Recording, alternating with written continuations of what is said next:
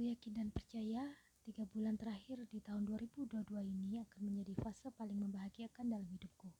Sudah tidak ada lagi overthinking, stres, kesedihan, dan semua masalah menjadi ringan karena aku bisa ikhlas.